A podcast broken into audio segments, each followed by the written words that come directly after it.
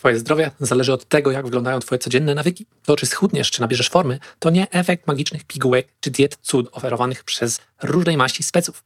W tym odcinku odkryjesz proste, ale skuteczne strategie, które poprawią Twoje samopoczucie i zdrowie długoterminowo i staną się częścią Twojego zdrowego stylu życia.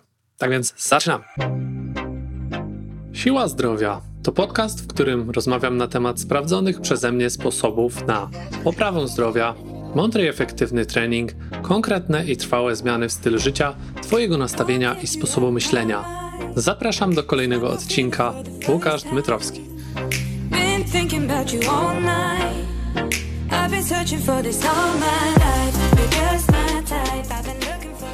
Witam bardzo serdecznie. Z tej strony Łukasz Dmytrowski, Siła Zdrowia, czyli prostym językiem o zdrowiu i sprawności. Jeżeli jesteś tutaj po raz pierwszy, to zostaw subskrypcję i wtedy nie ominiecie żaden nowy odcinek. Oczywiście nie zapomnij o zaznaczeniu dzwoneczka, wtedy nic nie przegapisz.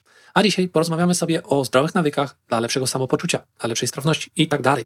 Bo jest to temat bardzo szeroki, chociaż wracamy dziś do podstaw, wracamy dziś do tego, co sprawia, że to, co jest najważniejsze, czyli właśnie nasz dół tej piramidy zdrowia. Nie, nie mówię tu o piramidzie w żaden sposób, żadnej Irze Rzetowskiej, żadnej innej piramidzie przez nikogo wymyślonej. Mam swoją własną piramidę. Oczywiście żartuję, tak naprawdę jest ona oparta w pewnym sensie na tym, co mówi się, co mówią eksperci, co mówi branża, co mówi ogólnie takie, można powiedzieć, zdrowy rozsądek. I tym najważniejszym fragmentem naszego życia oczywiście jest sposób myślenia. To on decyduje na to, co będziemy robić. Natomiast zaraz nad nim są te takie codzienne nawyki, które sprawiają, że albo idziemy do przodu, albo tak naprawdę się cofamy. Nie możemy stać w miejscu, bo starzejemy się. Nasz organizm z każdym dniem te przemiany zachodzące w nim są coraz mniej efektywne. No niestety, tak to wygląda. Nie będziemy żyć wiecznie. Dlatego, aby wszystko przedłużyć, aby nie tyle przedłużyć, co ulepszyć, poprawić stan tego samopoczucia i to, w jaki sposób funkcjonujemy na co dzień przede wszystkim, warto zadbać o te takie kluczowe aspekty. I nie będzie tutaj żadnych dzisiaj zaskakujących rzeczy, natomiast e, jeżeli chodzi o ten taki grubszy poziom, czyli patrząc na to z lotu ptaka, to gdy powiem zaraz o pierwszym, drugim, trzecim i czwartym aspekcie, który chcę poruszyć, nie będzie się to wcale wydawało jakieś nadwyraz trudne. Natomiast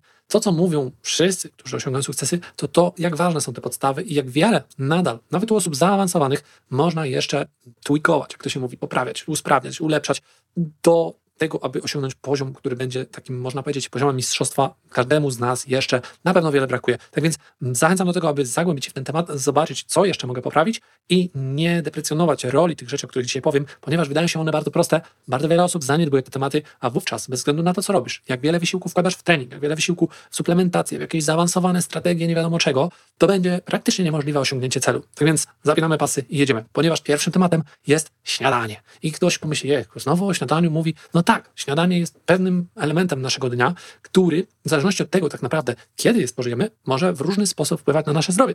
I nie chodzi tu o to, że masz wstać, e, wskoczyć od razu w klapki, buty czy tam jakieś inne papucie i zapierdzielać do kuchni, żeby jeść, bo nie każdy będzie miał ten sam system, każdy ma swój jakiś tam schemat i też nie od razu możemy wszystko przemodelować. Natomiast na pewno pożywienie jest ważnym elementem dla naszego organizmu, bo stąd czerpiemy energię, no niestety nie ze słońca, jak wiele osób mówi, i jest to klucz do udanego dnia tak naprawdę. Nie chodzi o to, żeby gdzieś tam słuchać tego, co mówią, że bez śniadania nie da się żyć, bo oczywiście są schematy żywieniowe, które pozwalają na to, natomiast jeśli w odpowiedni sposób dobierzemy to śniadanie do naszych potrzeb i zaaplikujemy naszemu organizmowi to, co on w danym momencie powinien otrzymać, czyli tę energię z właściwych składników żywieniowych, to będzie to na pewno dużo lepszy start niż jeśli, nie mając w ogóle żadnych podstaw szczególnie, czy odżywiając się wręcz, można powiedzieć, słabo, średnio lub nawet tak no, pomiędzy gdzieś, to starałbym się tutaj na pewno celować w to, żeby w ciągu no, powiedzmy tej godziny do dwóch maksymalnie jakieś źródło pożywienia przyjąć.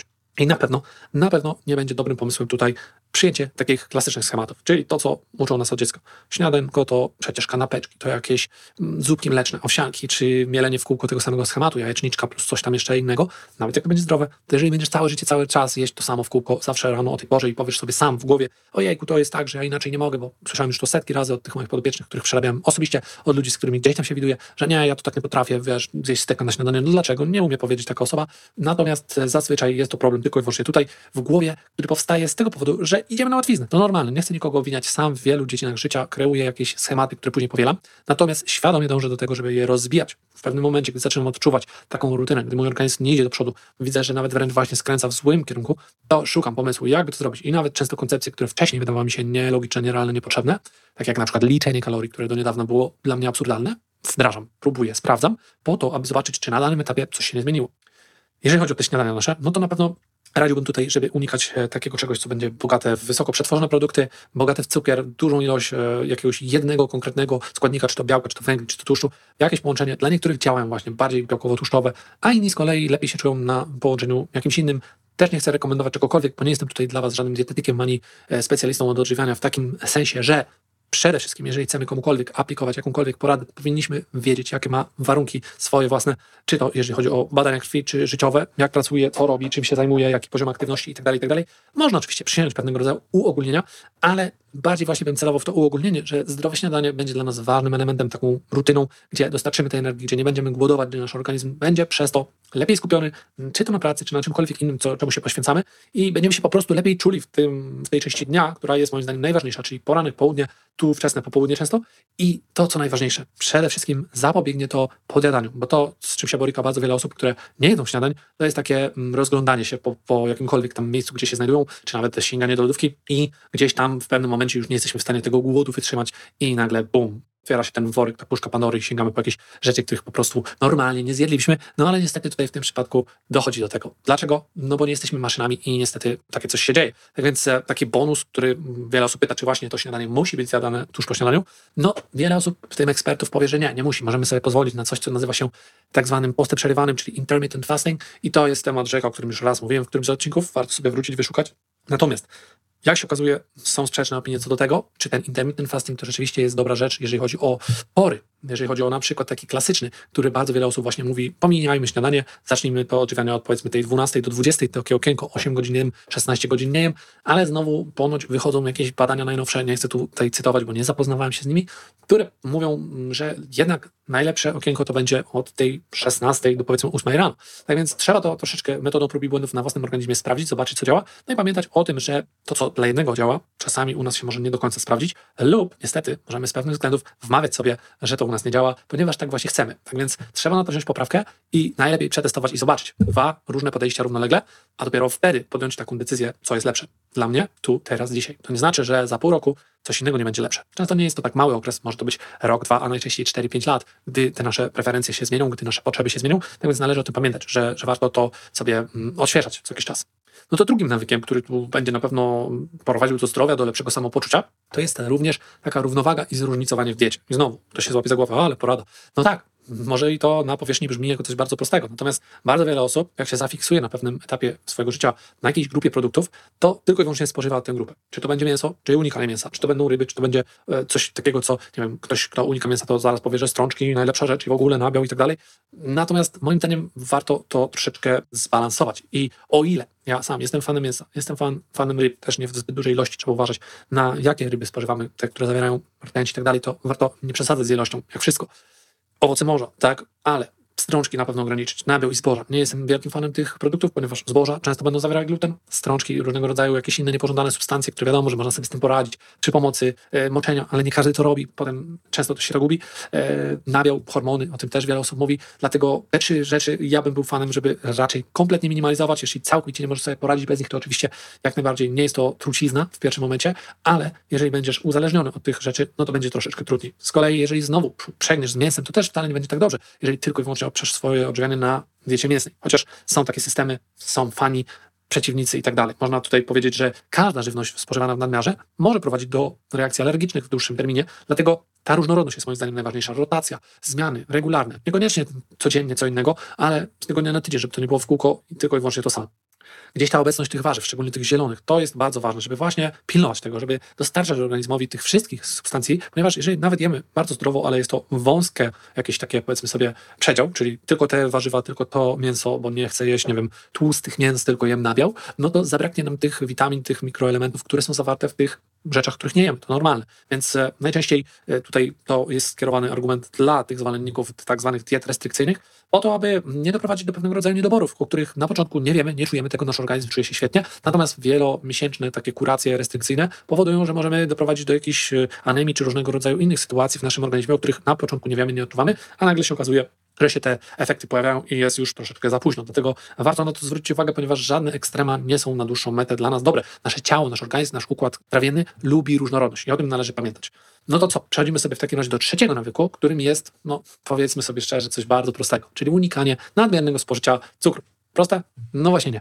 Bo zarazem można powiedzieć, że jest to proste, bo można łatwo zdefiniować, zweryfikować, gdzie jest ten cukier na etykietach produktów, jest to wskazane osobno, węglowodany, cukry, tak, wewnątrz tych węglowodanów, no ale z drugiej strony nie tak łatwo, bo zaraz gdzieś jakieś przydarzą się domowe, przecież oczywiście fit babeczki, no i to jak tego można byłoby nie zjeść.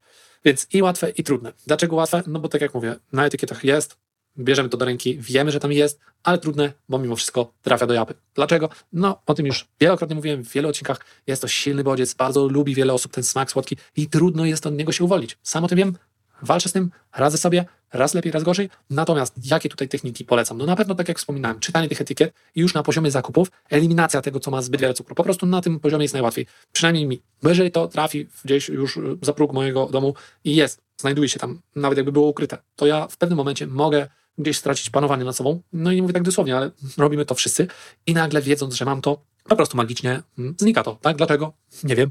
Znaczy wiem, po prostu nasze ciało tak reaguje. Wiemy, że, że chcemy tego zjeść, wmawiamy sobie sami, że to tylko raz, to tylko kawałeczek, to mało, a potem ten drugi kęsik, trzeci, czwarty i nagle tabliczka czekolady znika lub worek różnego innego rodzaju słodyczy. Czy tu nie tylko można do tego załączyć cukier, ale różnego rodzaju inne takie, nazwijmy to słodycze, które niekoniecznie muszą być słodkie, jakieś chipsy, jakieś inne rzeczy, które będą zawierały tonę tych węglowodanów i tłuszczów przetworzonych, transowych, jakichś innych rzeczy, które no po prostu najzwyczajniej w świecie doskonale wszyscy wiemy, że nie są zdrowe, a i tak nadużywamy ich. Tak więc warto tutaj poświęcić trochę czasu na to, żeby ich uniknąć, bo jeżeli ten cukier dodany będzie trafiał do naszego układu trawiennego i będzie tych kalorii łącznie wszystkiego tego za dużo, to co się stanie? No bardzo prosta rzecz, czyli będzie się budowała tkanka tłuszczowa. To nie jest trudne, już mam nadzieję, że każdy to rozumie, że to nie tylko tkanka tłuszczowa powstaje z nadmiaru spożywanego tłuszczu, ale przede wszystkim nadmiaru ogólnie pożywienia w naszej diecie. Więc jeżeli już chcemy sięgać po coś słodkiego, to najlepiej powoli przestawiać się na jakieś owoce i potem redukować tę ilość tych owoców.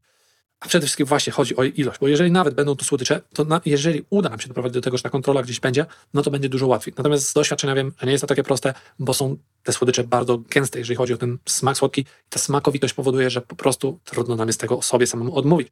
Dlaczego jest to ważne? Już mówiłem, ponieważ powstaje z tego najzwyczajniej w świecie tkanka tłuszczowa. A każdy przecież chce tego uniknąć. Bo jeżeli jest osoba, która chce rozwijać tkankę tłuszczową, budować cukrzycę, różne inne choroby, proszę bardzo, zapraszam jak najbardziej, korzystać jak najwięcej tego cukru jeść. Ale jeśli chodzi o tych ludzi, którzy tak jak mam nadzieję ty, chcą pozbyć się tego wszystkiego i cały czas utrzymać tą formę zdrowia i sprawność i dobre samopoczucie, to najlepszym nawykiem będzie tutaj eliminacja. Niestety, niestety tak jest, bo słyszę często, no tak, ale z umiarem to można. Tylko kto potrafi ten umiar zachować. Jeżeli jesteś w tej bardzo niewielkiej grupie osób, gratulacje, moje prawa, ale niestety większości osób to się nie udaje i później trzeci, czwarty, piąty, siódmy raz próbują wejść na jakieś diety, które też spustoszenie sieją, eliminacja, to o czym mówiłem wcześniej, radykalizm i niestety trafia to wszystko do kosza po kilku tygodniach, a my wracamy do punktu wyjścia, jak ten chomik w tym naszym kołowrotku. Tak więc, jeżeli zrobisz to mądrze, z głową, powoli, ma to rację bytu, ma prawo się udać i trzymam za ciebie kciuki. No i ostatnia rzecz, w zasadzie nie ostatnia, ale można powiedzieć e, jedna z ostatnich, to spożywanie wody. Tutaj tylko parę słów, ponieważ każdy doskonale to wie, ale bardzo łatwo jest o tym zapominać.